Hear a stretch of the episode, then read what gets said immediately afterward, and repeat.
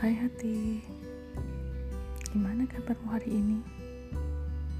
Semoga hari ini penuh keberkahan